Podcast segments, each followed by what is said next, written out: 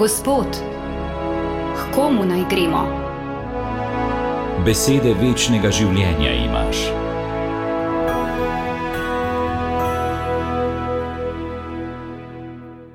Spoštovane poslušalke, dragi poslušalci duhovnih nagovorov na Radio Ognišče.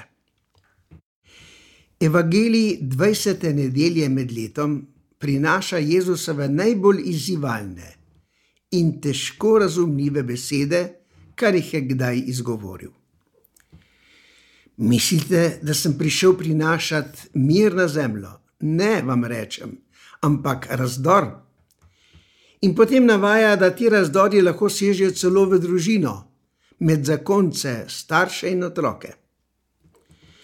Pomislimo, da je te besede izrekel človek, ob čigar rojstvu je odmevalo mir ljudem na zemlji in da je v času svojega življenja oznanjal blagor tistim, ki delajo za mir.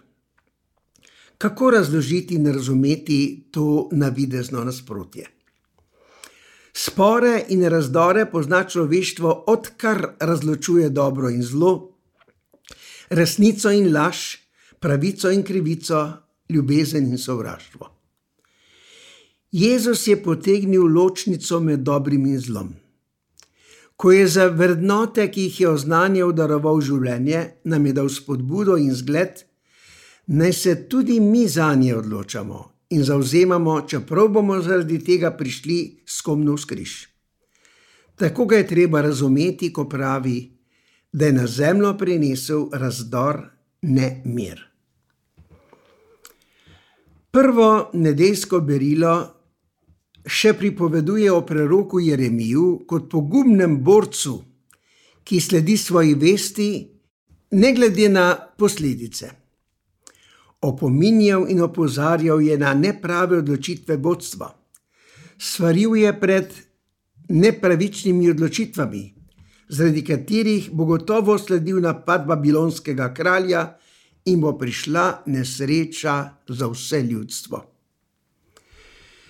A to nekaterim ni bilo všeč, čež da straši brez potrebe.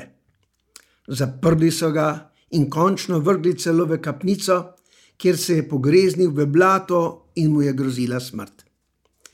Potem je bil vendar rešen po nekem dvorjanu, ki je posredoval za njim pri kralju Sedekiju. In razdejanje Jeruzalema je res sledilo. Jeremija je ustrajal v svojem svarilu, a bilo je prepozno. Tako nasprotovanje doživljajo tudi danes vsi, ki zagovarjajo božje naravne in moralne zakone, naprimer, kdo nasprotuje splavu. Kakšno nasprotovanje doživi vsak, Kdor zagovarja, da je vsako življenje sveto, naj bo to življenje onemoglega stoletnika ali pa komaj spočeto življenje, ščiti ju peta božja zapoved. Vsako življenje je sveto, ker če ne, ni sveto nobeno. Kdor nasprotuje, kdor zagovarja zakon, družino, božji ustanovi. Janez Krstnik je dal glavo za to. Jezus ga je pohvalil in mu rekel o njem, da ni večjega, kar jih je rodila človeška mati.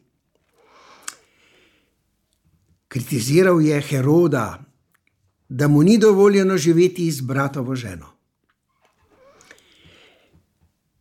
Jezus sam je doživljal razdor med poslušalci. Nekateri so ga sprejemali, drugi zaničevali in končno celo obsodili na smrt.